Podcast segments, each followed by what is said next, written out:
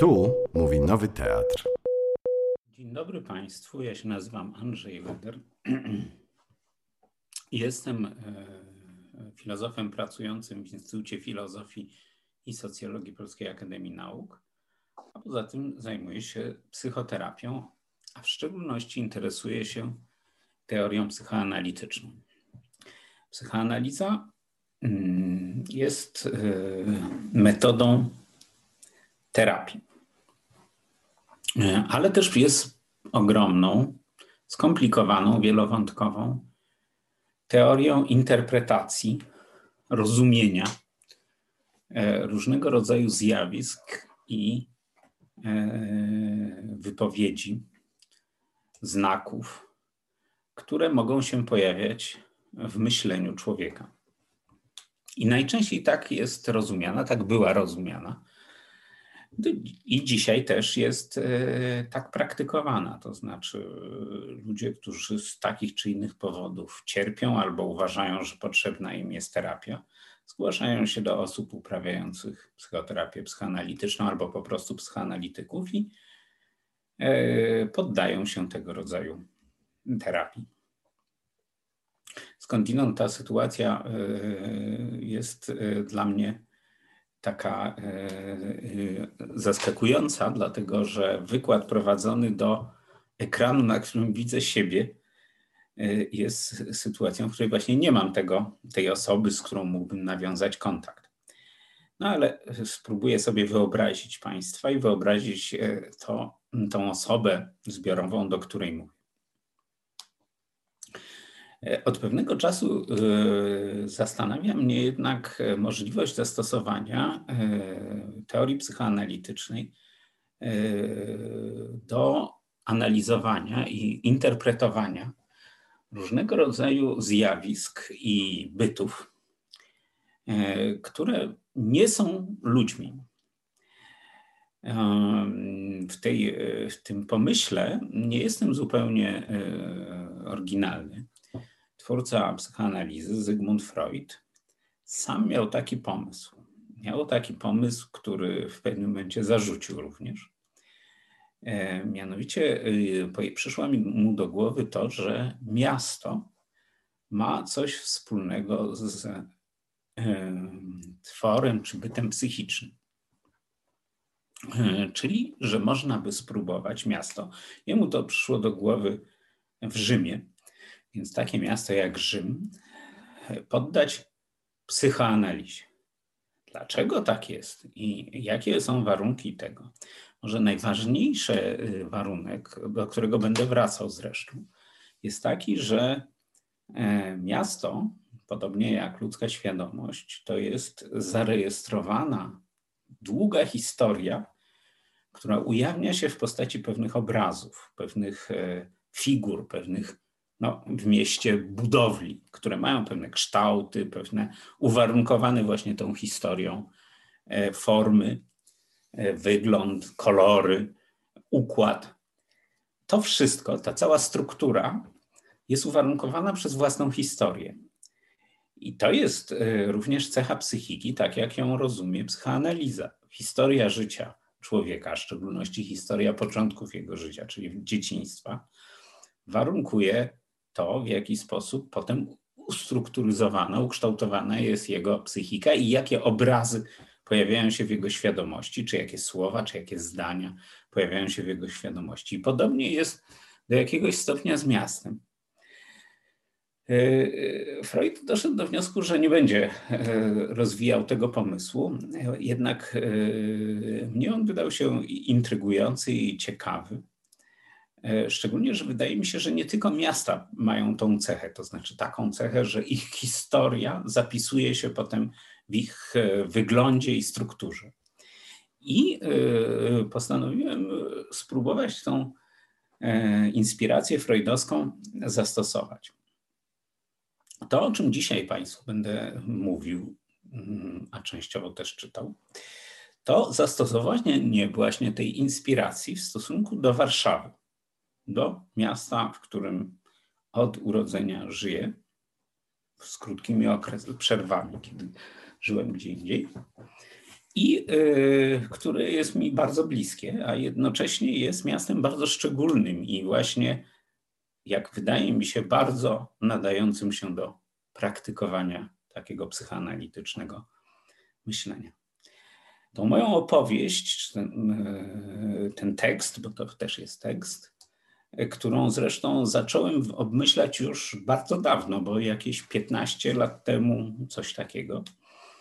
W związku z tym niektóre y, zdania czy obserwacje są nieco anachroniczne, ale i tak je zachowam, bo wydaje mi się, że właśnie widać tutaj kumulowanie się pewne czasu. Będę ilustrował też fragmentami dzieł Freuda, opowiadającymi o typie psychicznym, który wydaje mi się w Warszawie się jak gdyby ucieleśnił. No i teraz zacznę właśnie od takiego cytatu. I mianowicie brzmi on tak. W związku z poważnymi wstrząsami mechanicznymi, zderzeniami pociągów oraz innymi związanymi z zagrożeniem życia wypadkami, od dawna już znany jest opis stanu, któremu nadano miano nerwicy traumatycznej. Koniec cytatu. To jest więc opis e, freudowski tego, skąd bierze się nerwica traumatyczna. Warszawa niewątpliwie poddana została poważnym wstrząsom mechanicznym. Bombardowanie, wysadzanie domów, palenie ich to są wstrząsy czysto mechaniczne. A i zagrożenie życia na pewno miało tu miejsce. Nie muszę o tym opowiadać. Możemy więc uznać, że mamy wszelkie podstawy podejrzewać występowanie w tej strukturze objawów posttraumatycznych. Jeżeli więc podejmiemy psychoanalizę przestrzeni miejskiej zgodnie z fantastyczną, to jest słowo Freuda, hipotezą sformułowaną w eseju o kulturze jako źródle cierpień, jakoby można było pomyśleć, że, i tu znowu cytuję, miasto nie jest siedzibą ludzką, lecz istotą ludzką o równie długiej i bogatej przeszłości. Czyli mamy tutaj właśnie ten moment, kiedy Freud sugeruje, że miasto, na miasto można popatrzeć jak na pewną istotę, która ma historię i ta historia jest w jego kształcie zapisana.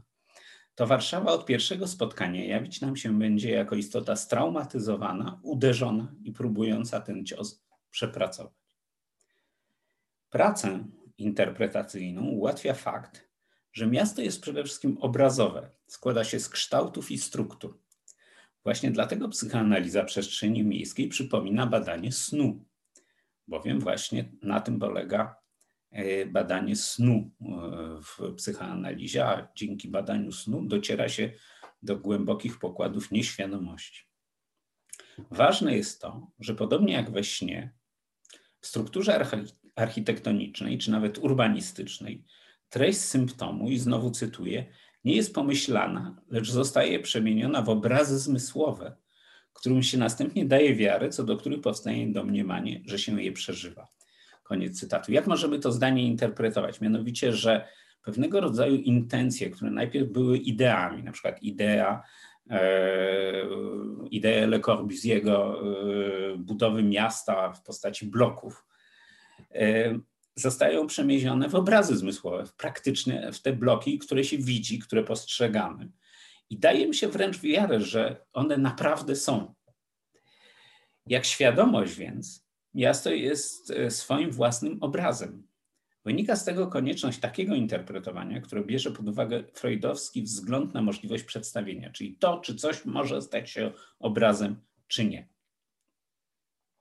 Na przykład e, na ulicy Hipotecznej w Warszawie był tam, zaznaczam był, bo jego już nie ma.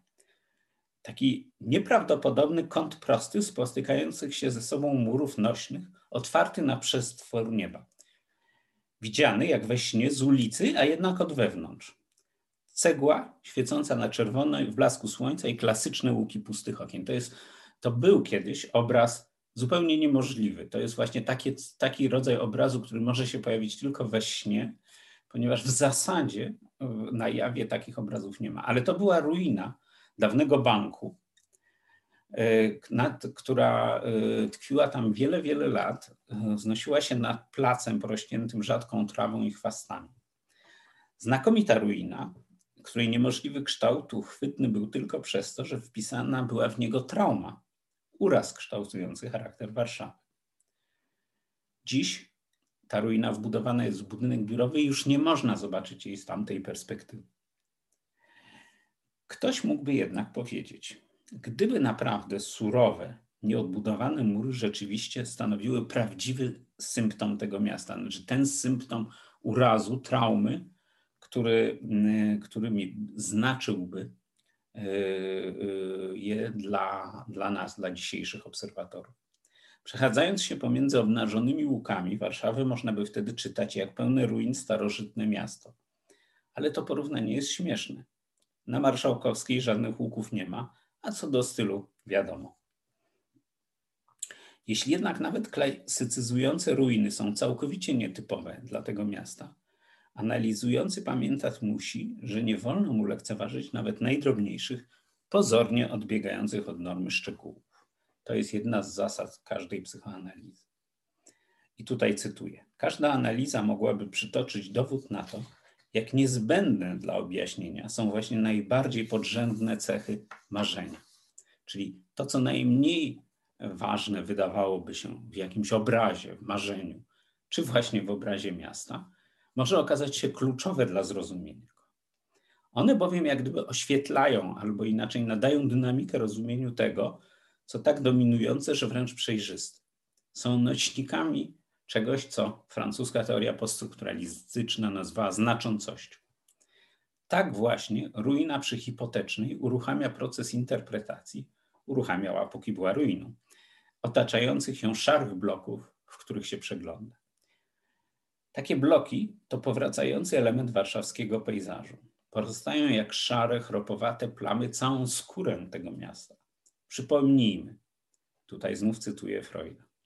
Skrajna warstwa za sprawą obumarcia sprawiła jednak, że wszystkie warstwy niższe zostały uchronione przed takim losem. Jakim losem? Można więc zastanowić się, co właściwie te bloki blokują. Otóż gdyby ich nie było, miasto wypełniałaby pustka, niezabliźnione, otwarte zwaliska gruzu, z rzadka ograniczone przetrwałymi budowlami. 75% substancji zrównane z ziemią. Ale wtedy Warszawa nie byłaby już żyjącym miastem. Tak wyglądałyby jej resztki, gdyby w 1945 roku zrealizowano pomysł przeniesienia stolicy do Łodzi i pozostawienia miasta bohatera jako trupa wiecznego wyrzutu sumienia. Po urazie Warszawę jednak ożywiono. Zaś szara masa mieszkalnych bloków wypełnia ogromną przestrzeń traumy. Tysiąckrotne powtórzenie tego samego, monotonnego wzoru oddziela od nieznośnego doświadczenia utraty, stwarza jakąś przestrzeń życia, nawet jeśli to życie zamknięte jest w natrętnie powracających ciasnych klatkach i kuchniach. Freud komentuje, i tu znowu cytuję, po przełamaniu ochrony przed bodźcami stworzona zostaje olbrzymia obsada przeciwna, czyli jakby taka energia przeciwna, a na jej rzecz ubożeją wszystkie inne systemy psychiczne. Dochodzi zatem do rozległego paraliżu czy spadku innych sprawności psychicznych. Można powiedzieć, że po to, żeby wypełnić tą ogromną przestrzeń pustki, jaką stanowiła Warszawa po powstaniu i powstaniu w getcie, e, e, trzeba było zapełnić ją czymś takim ubogim, zubożonym, które, które właśnie te bloki Gomułki dobrze, dobrze pokazują, czy są po prostu tym czymś, co wypełniło tą pustą przestrzeń. Mówię Gomułki, dlatego że nie mówię tutaj o takich e, dzielnicach jak Ursynów na przykład, e, budowanych w czasach gierkowskich, tylko mówię o tych dziwnych blokach, które się jeszcze pojawiły w latach 60., które na przykład otaczają to, czy sąsiadują z Teatrem Wielkim w samym centrum miasta. Tak więc e, ta, te bloki więc to jednocześnie świadectwo paraliżu czy spadku innych sprawności psychicznych. Wiele z nich emanację myśli Gomułki, księgowego o zawsze zaciśniętym odbycie. Wygląda jakby ktoś z trudem wyrzucił je z siebie, skarlałe, a jednak zapełniające pole myślenia swoim niezmiennym wyglądem. Myśli, które regresywnie muszą zastępować czyny. Pisze o takich formacjach ojciec psychoanalizy. Są ucieleśnieniem obsesyjnego przymusu powtarzania. No to widać w tej strukturze bloków, a już najbardziej na osiedlu za żelazną bramą. Związanego z zubożeniem żywej obsady, a jednocześnie w ogromnej mierze wykorzystującego te resztki energii. Te same klatki schodowe, rzędy okien, pionowe pasy balkonów, tysiące satelitarnych anten. Skoszarowane rozwiązanie problemu slumsów. Jednak nie tylko trwałe materialne elementy miejskiego pejzażu, takie jak różne budowle, mogą stanowić przedmiot pracy analitycznej. Miejska różnorodność zawsze podporządkowana jest ukrytej formie, która określa miejsce wyłaniania się wszelkich zjawisk. Na przykład takie zjawisko jak samochodowe korki. W ich wypadku szczególnie przenikliwe wydaje się stwierdzenie Freuda, że, i tutaj cytuję, nawet tak osobliwe, tak odległe od zwykłego myślenia ludzkiego formacje myślowe zrodziły się z najbardziej powszechnych, nader zrozumiałych pobudek życia psychicznego. Oczywiście jest w tym moment ironii, to znaczy korek wydaje się być tak dziwnym wydarzeniem, a jednocześnie tak powszechnie wydarzających się, że ten cytat świetnie do niego pasuje. Trzeba zwrócić uwagę, towarzysząca im, to znaczy korkom, nuda i poczucie ubezwłasnowolnienia, charakterystyczne są dla określonych węzłów w siatce ciągłego przepływu, jaką są miejskie ulice. Lakanowska psychoanaliza, czyli psychoanaliza kogoś, kto kontynuował myślenie Freuda, ale właśnie zajmował się niesłychanie, z niesłychanym takim skupieniem, przepływaniem znaków, tak można by powiedzieć, że to było coś dla niego fascynującego, powiedziałaby, że zatrzymany zostaje metonimiczny ruch od znaczącego, czyli od jednego znaku do znaczącego innego znaku. Ulice są jak szlaki skojarzeń, przepływ myśli, w pewnych obszarach płynny i klarowny, w innych utyka w melancholijnej, zatruwającej martwocie. I to właśnie jest korek. Na przykład, i to do dzisiaj, okolice dworca południowego, tam gdzie Aleje Niepodległości zbiegają się z Puławską i Wilanowską, są jak nierozwiązany problem. Ruch jeszcze przed chwilą dynamiczny utyka, a myśli krążą wokół wściekłych fantazji albo odpływają w oderwane rojenie. Bezradność, nuda i nagle wypadek. Raptus melancholicus to jest określenie z psychopatologii, które mówi o takiej sytuacji, kiedy ktoś, kto jest e, melancholijny, właśnie zatopiony w takiej bezradności i nudzie, dziś powiedzielibyśmy jest w głębokiej depresji, nagle obudzi się i robi coś bardzo gwałtownego. Niestety dość często są to e, e, zachowania samobójcze. Gwałtowna, często krwawa erupcja stanów ducha na powierzchnię zdarzeń, równie często spowodowana wściekłością, co gapiostwem. Wypadki powtarzają się w pewnych miejscach, o pewnych porach, zamieniając strukturę przestrzeni miejskiej w ludzkie nieszczęście. Jak złe myśli, które zbolałą strukturę świadomości, mogą przekształcić w straszne czyny. Skąd biorą się te miejsca, w których zdarzają się zastoje, korki czy wypadki? Można by powiedzieć, że z głupiego planowania urbanistów. Ale nie, przecież strukturę przestrzeni miejskiej tylko w małym stopniu kształtuje racjonalny plan. Ona jest raczej owocem powolnego przyrastania. To zresztą upodobnia ją też do psychiki, a w szczególności świadomości. Jest dziełem czasu, w którym każde wydarzenie pozostawia ślad określający już na zawsze możliwość wyłonienia się innych zdarzeń. Organizuje je, wytycza im ścieżki, odgradza obszary niemożliwe.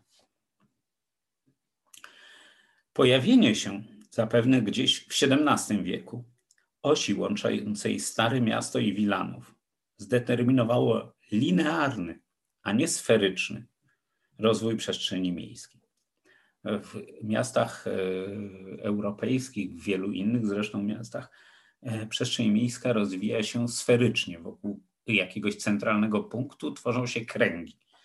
W Warszawie jest inaczej. Warszawa ma linearną strukturę, skądinąd zorganizowaną podobnie jak w mazowieckich wsiach, rozciągniętych przy szosie. Wszystko, co ważne w Warszawie, rozciąga się na linii północ-południe, zmuszając do tego, by ciągle wędrować wzdłuż tej osi.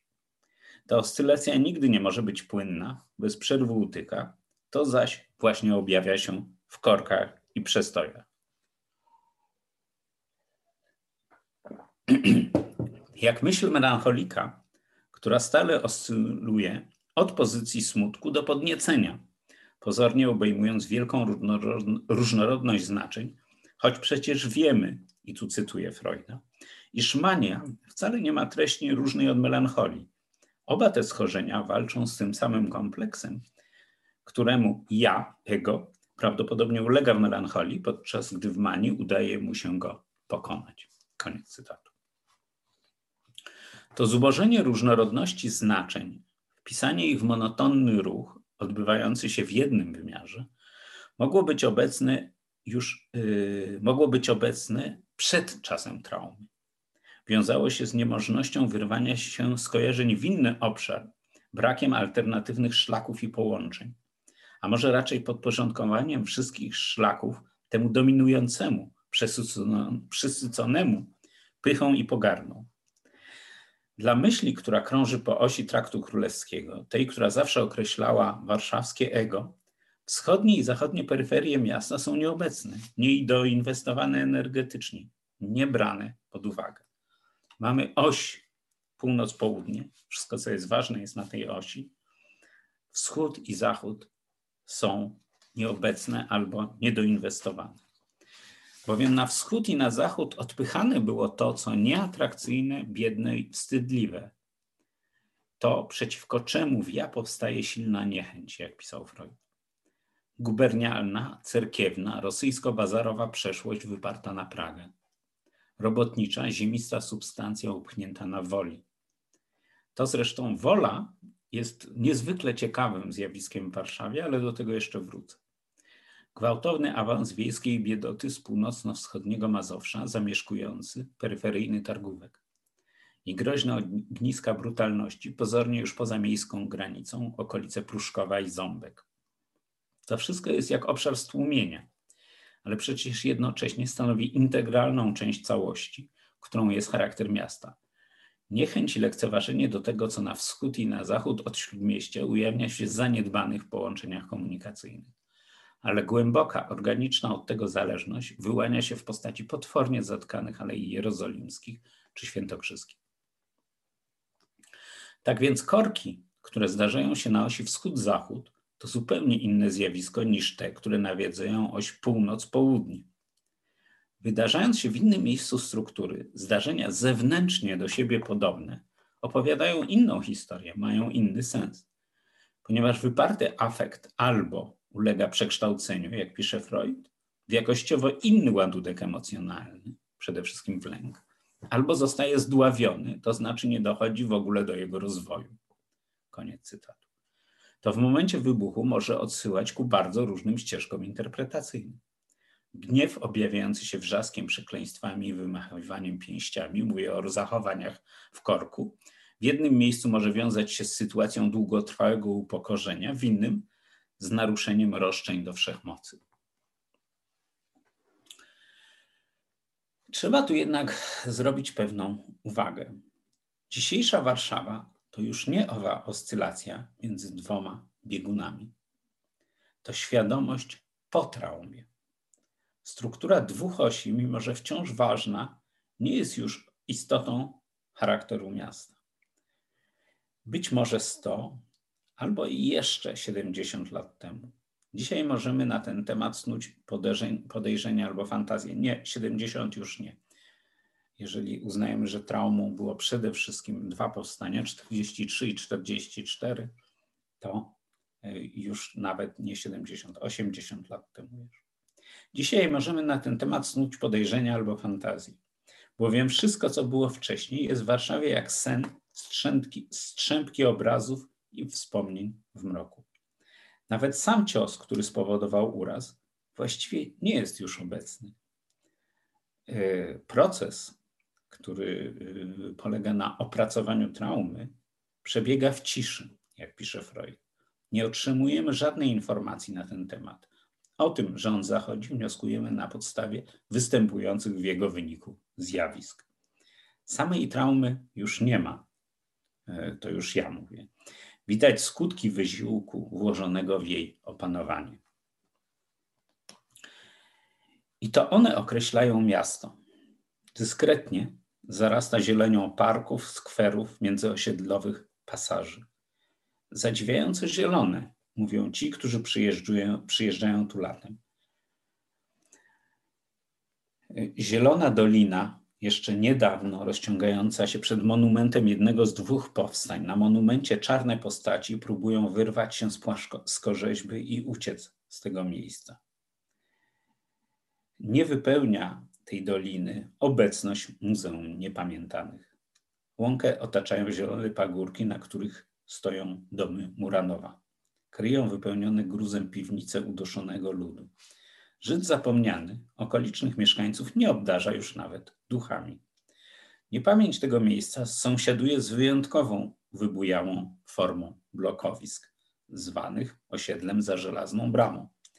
Jakby nagle przymus powtarzania musiał pokonać szczególnie bolesną zadrę.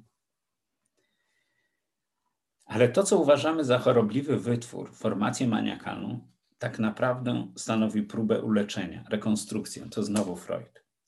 Jedne mieszkania w tych blokach wynajmują dziś skośnocy przedstawiciele kolejnego azjatyckiego ludu, który przybył tu handlować. Z łatwością wypełniają lukę, tym razem w obyczajowości, otwierają sklepiki, hurtownie, jadłodajnie, na które zawsze jest zapotrzebowanie, a których zawsze było brak w tym zaściankowo-folwarcznym mieście pozbawionym kupieckiego żywiołu wymordowanych. Komentarz Freuda może brzmieć tu nieco zgryźliwie. Cytuję: Teraz rozumiemy, że to raczej to, co wewnętrznie zniesione, powraca z zewnątrz. Koniec cytatu. Zwykle o traumie myśli się jako o czymś konkretnym. Cios, rana, nadużycie mają w języku swoją namacalną treść. Ale powtórzmy, dla straumatyzowanej świadomości uraz jest przede wszystkim nieciągłością, którą trzeba wypełnić. Artefakt który swoją drażniącą nieobecnością zmusza do gorączkowego opanowywania. Porasta nieforemnymi zjawiskami, mającymi połączyć jego nicość z otaczającą strukturą. Tylko, że w Warszawie ta otaczająca struktura była przeraźliwie wątłów.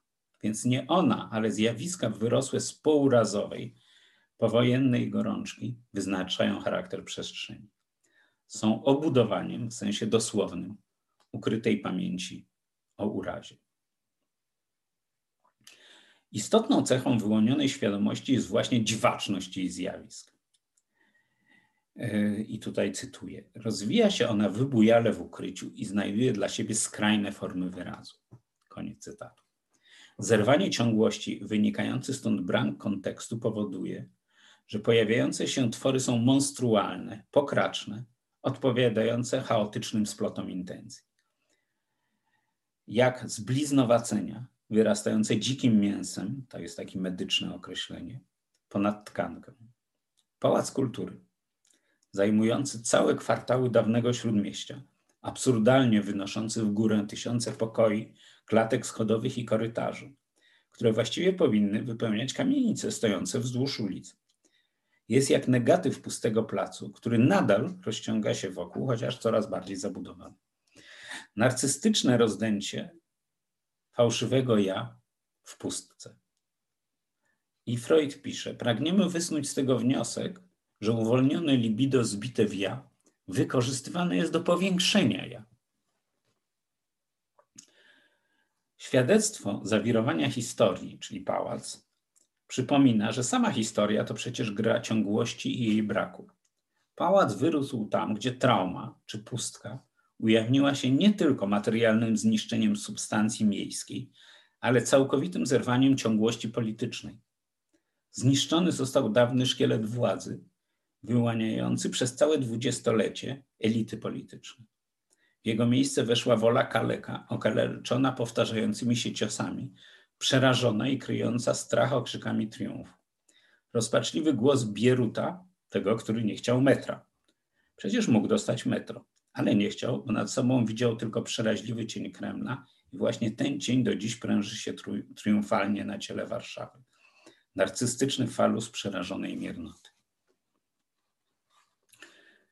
Na peryferiach miasta lustrzanym odbiciem tego rozpadu myślowej substancji są pokraczne budy, ogrodzone parkanem zaśmiecone place, warsztaty z blachy sąsiadujące z murami pokrytymi fajansową stłuczką, za którymi kryją się niby wille.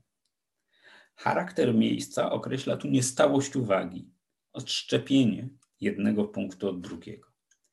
Jak gdyby wzajemnie siebie nie widziały, jakby ich dla siebie nie było. Świadomość po traumie oddziela od siebie poszczególne rejony przeżywania. Rozkłada świat na fragmenty, z których każdy jest sam w sobie i wpatrzony w siebie. Każdy z nich spełnia cechy w opisie psychozy ujęte przez Freuda w taki sposób. Cytuję. W ogóle wycofał obsadę libidinalną z osób ze swojego otoczenia i ze świata zewnętrznego. W ten sposób wszystko stało mu się obojętne, wszystko było bez związku. To zatracenie charakteru na przedmieściach jest właściwie typowe dla wszystkich nowożytnych miast. Nie zamykają się one w obrębie murów, lecz zachłannie pożerając otaczającą je agrarną substancję, gubią poczucie miary i proporcji. Nowoczesność jest traumatyczna, do tego jeszcze wrócimy. Ale zwykle rojenia, które nad ranem wyrastają na granicy ciała i umysłu, nie mają dostępu do sedna naszej osoby. A tu jest inaczej. Peryferyjny chaos przedziera się do samego środka duchowego życia. W Warszawie peryferie nie są ekscentryczne, wyrastają budami, wrastają budami i niekształtnymi podwórkami w bliznym śródmieścia, ślepo sąsiadując z zaklętymi w bloki obsesyjnym wysiłkiem opanowania i resztkami dawnej substancji miejskiej. W tym byciu dla siebie każdy szczegół może się zacząć rozdymać i nasycony pozornym sensem osiąga monstrualną wagę. Zwyczajny dom kultury zamieniony w pałac. Albo powtarzane w nieskończoność mantry osiedli mieszkaniowych. Dodać trzeba, że straumatyzowany umysł nie lubi sam siebie. Otchłań, którą stanowi obszar zniszczony, wymaga od niego autoironicznego dystansu, który pozwala utrzymywać się na powierzchni. Gdyby nie dystansował się sam do siebie, stałby się patetyczny w tym sensie, jaki anglosasi nadają słowu patetyk, a więc żałosny. Ale ta autoironia przechodzi w nawyk i deformuje każdą myśl, każdy spontaniczny gest. A szczególnie ten, który właśnie z założenia ma być patetyczny, czyli dotykać traumy. Tam bowiem właśnie myśl mogłaby napotkać najczarniejsze miejsce, swój własny skowyt. Kształt pomników, które próbują łatać porwaną pamięć, niechcący daje świadectwo tej mieszaninie bólu i szyderstwa. Pamiętajmy bowiem, że, i tutaj cytuję, w Stanach, w których możliwość skierowania wysiłku psychicznego na jedno miejsce jest ograniczona, wysuwane jest na plan pierwszy takie wyobrażenie, że dzieje się to kosztem jego znaczenia. Y, sens tego cytatu jest taki, że jeżeli nie możemy czegoś wyrazić w sposób bezpośredni, w tym miejscu, w którym powinno być wyrażone, jeżeli inne intencje się przebijają, odpychają ten, ten sposób wyrażenia, to samo znaczenie zaczyna być dziwaczne czy takie nieodpowiednie. I tu pomniki warszawskie są po prostu jedną wielką kolekcją tego rodzaju e, sytuacji. Starzyński o rozdeptanym, jakby brutalną nogą odwłoku. Prus w stuporze. Matejko zataczający się pod ciężarem pędzla i Słowacki porażający podobny do Dzierżyńskiego a w tle ciężki patos pomnika powstania, niepokojąca reminiscencja filmu Noc żywej śmierci. Nie mówię już o nowych pomnikach, takich jak ten na Żoliborzu e, armii, niebieskiej armii, który mm, już nie będę tutaj rozwijał tej analizy. Można by wierzyć, że wolność, która pozwala uczciwie myśleć, otworzy drogę do reparacji. Procesowi, który przywraca spójność straumatyzowanej przestrzeni. Jednak, i tutaj pisze Freud z goryczą. Próba ta udaje się po katastrofie mniej lub bardziej, nigdy jednak nie udaje się w pełni. Pierwszym przejawem wejścia w wolny rynek była więc zmiana symptomu, sposobu wypełniania pustki po urazie. Fazę burzliwych halucynacji ujmujemy również tutaj jako fazę walki z wyparcia z próbą uleczenia, próbą, którą libido pragnie znowu zanieść do swych obiektów. To oczywiście cytat z. Tutaj yy, yy, powiem dwa słowa o woli właśnie. Wola jest takim fragmentem yy, miejskiej substancji w Warszawie, które jest do, swoje, do pewnego stopnia oddzielne. Już mówiłem o tym wypchnięciu w XIX wieku z osi, którą, która formuje Warszawę, e, robotniczej biedoty na, e, na wolę, która wówczas była peryferyjną dzielnicą. Tam też gromadziła się żydowska biedota. Wszystko to dlatego, że tam dokonywała się industrializacja. I można powiedzieć, że wola jest tym miejscem, gdzie ujawnia się w Warszawie zawsze charakter nowoczesności, traumatyczny charakter nowoczesności. Tak jak e, bieda e, nowożytnej epoki, epoki e, przemysłowego kapitalizmu skupiła się na woli końca XIX wieku, początku XX wieku i potem woli międzywojennej. Tak jak niesłychana brutalność kolejnych szturmów na Warszawę zawsze przejawia się najpierw rzeziami na woli. E, ostatnie dnia rzeź w 1944 roku e, w czasie powstania. E, I potem w okresie PRL-u to ogromne skupienie wielkich fabryk, które e, ten, tą, tą tradycję przemysłowego charakteru nowożytności kontynuowały. W momencie, kiedy nowoczesność zmieniła swój charakter e, pod koniec XX wieku, stając się e, nowoczesnością e, nie produkcyjnego kapitalizmu, tylko kapitalizmu przede wszystkim związanego z przepływem informacji, szczególnie tam, gdzie jest globalna północ. Kiedy Polska weszła w obręb tej globalnej północy, czyli Zachodu, jak żeśmy w 90 latach to nazywali, Wola przestała być e, reprezentantką nowożytności przemysłowej. Stała się reprezentantką nowożytności biurokratycznej, ale właśnie w sensie biurokratycznego kapitalizmu. Wyrosły tam biurowce. To jest dzielnica, dzisiaj dzielnica, w której mamy największe nagromadzenie tego, co stanowi charakter współczesnego kapitalizmu. Wielkich wysokościowców, w których są tysiące e, firm e, lub przedstawicielstw firm, w których e, pracują dziesiątki tysięcy przedstawicieli klasy średniej, ale właściwie już prekariatu, mieszkających w małych mm, osiedlach, w małych mieszkaniach, w wielkich osiedlach, które tam wokół są budowane, albo wynajmujący mieszkania, w, no, kiedy, jeśli ich jeszcze nie stać.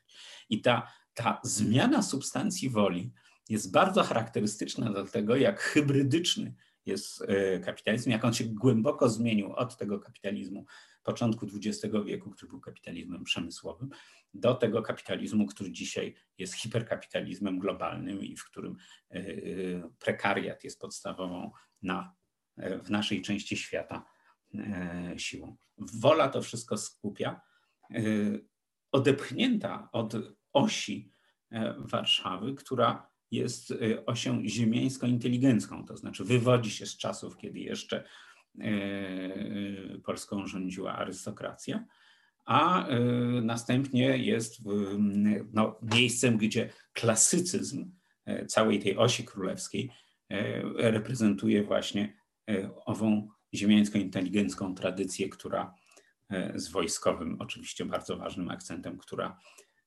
która Polską rządziła. Yy, ale oczywiście ten no, hiperkapitalizm, który wdarł się do Polski w 90 latach, miał też inne yy, formy wyrazu. Wśród rachitycznych przedmieść, prośniętych szarą pleśnią bloków, szkieletami niedokończonych hal fabrycznych i zachwaszczonymi nieużytkami wyrastać zaczęły monstrualne cielska galerii i centrów handlowych.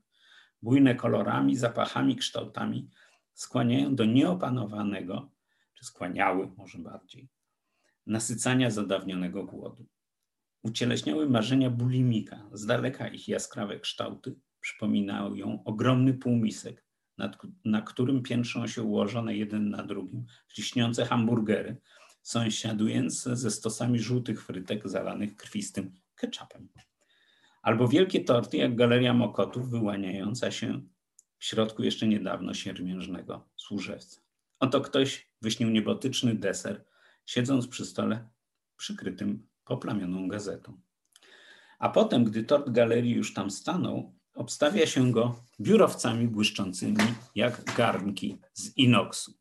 Ale wszystko to stoi nadal na gazetowym, byle jakim podłożu. Trzeba jeszcze dodać, że ta opowieść może być nieco nostalgiczna, ponieważ nie uwzględnia pandemii. To jest jeszcze miasto w swojej gorączce. I na przykład w śródmieściu apetyty zaspokajało się inaczej. Tu znów cytuję Freuda. Odbudowuje go pracą swojej manii, ów podmiot, jakim jest miasto. Kluby, knajpki, puby i zakątki tworzą w miarę jednolity matecznik dla niejednorodnej, acz spragnionej formy substancji ludzkiej. W tym mateczniku nurza się ona w gorączkowej, przedłużonej młodości. Można jej przypisać i tu cytuję, przecenianie siły sprawczej własnych życzeń i aktów psychicznych, wszechmoc myśli, wiarę w czarodziejską moc słów, technikę wpływania na świat zewnętrzny. Koniec cytatu. Ponieważ przeszłość ma niepewną, pamiątek po ojcach prawie żadnych, żyje w rozdętej teraźniejszości. Żywa, nieobciążona pamięcią energia produkuje warszawski styl stołeczny, fusion, który jest może pierwszą spójną poza blokami Gomułki formą stylistyczną tego miasta. Włoska pasta, suszone pominory, zapijane żywcem, sałatka z rukoli i ciabatki, przeżuwane zębami błyszczącymi, ortodontycznym aparatem. Freud pisze, maniak demonstruje nasz ten w sposób wyraźny swoje uwolnienie się od obiektu, z powodu którego cierpiał, rzucając się w nowe związki, jak wygłodniałe zwierzę na żer. Uczucia najbogatszego miasta Polski frenetycznie krążą nocami w taksówkach. Od klubu do klubu, sycąc się hukiem elektronicznych dźwięków i energy drinkami, wlewanymi z siebie razem z czystą. Bowiem, jak pisze Freud, cytuję, jawnie pożądają samych siebie jako przedmiotu miłości. Spółkują. Seks wybucha kiedyś yy, setkami karteczek pokazujących nagie Sylwię i Tanie. Te karteczki wypadają z wycieraczek i ścielą się pod nogami, barwiąc szare i krzywe płyty chodnikowe z epoki Kierka. Dziś przeniósł się do internetu.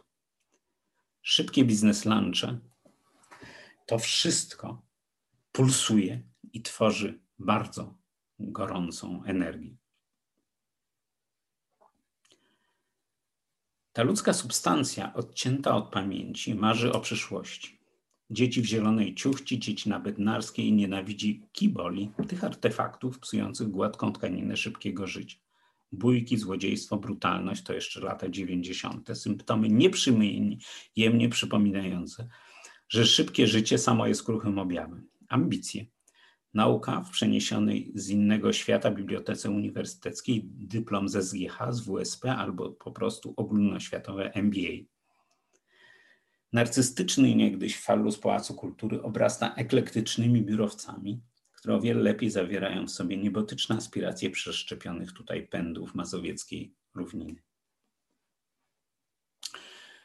Kończę tą część y, opowieści o Warszawie i y, chcę ją zakończyć taką, e, takim momentem refleksyjnym. Świadomość poddaje się analizie. Tak samo jak przestrzeń psychiczną, miasto również można czytać, znajdować jego mechanizmy obronne, łączyć to, co rozszczepione i ujawniać sens wyparcia. Nie ma jednego schematu interpretacyjnego. Różne miasta to różne świadomości. Tworzy je organizacja przestrzeni, charakterystyczna gra ciągłości i nieciągłości, oparta na podstawowych formach geometrycznych. Przyrastanie y, koncentrycznych bulwarów, jak w Wiedniu czy w Moskwie. Kratownice wielkich ulic Nowego Jorku, albo jak kiedyś w Warszawie osie łączące bieguny. Wszystko to wypełnione czasem czyni miasta niepowtarzalnymi jak umysł. Każda z tych form coś opowiada. Można rozmyślać nad narcystyczną dbałością o elegancję, pieszczącą stale ten, ten sam detal, jak choćby powtórzona na milion sposobów paryska mansarda, albo nad maniakalnymi skrajnościami amerykańskich miast, które strzelają w niebo pionami downtown, by za chwilę rozlewać się mchem sabarbiów. Dzisiejsza Warszawa to nieciągłości i artefakty. Myślenie o niej jest potwierdzeniem tego, jak trudna jest analiza posttraumatyczna i to jest fakt. Analiza posttraumatyczna jest bardzo trudna. Obraz całości stale się zmienia. Każde kolejne wejście w pole rozumienia zmusza do zaczynania od początku. Uraz, który organizuje całość, nigdy nie może być uchwycony. Jego miejsce zajmują rozdęte szczegóły wspomnień, naprędce sklejane pocieszenia, rytuały pozwalające wypełnić czas i nierealistyczne plany na przyszłość. Połączone byle jak tworzą chaotyczny obraz. Ktoś kiedyś sklepił gruzy tak, żeby miasto mogło dalej żyć i żyje. Kolejne twory wyrastają w nowych miejscach, wypełniają swoje funkcje, pulsują gorączką i rozpychają się, zagarniając dla siebie jak najwięcej miejsc. Czasem tej dziwnej istoty żal, a czasem budzi ona wstyd, szczególnie gdy wróci się z Pragi albo Budapesztu. Ale jeśli czuje się też do niej czułość, a, jak nie, nie, a jakże nie czuć, jeśli żyje się z nią od zawsze, to myśl błądzi, szukając takiej formuły, która oddaje jej sprawiedliwość. I na poszukiwaniu tej formuły dzisiaj zakończę. Dziękuję Państwu bardzo.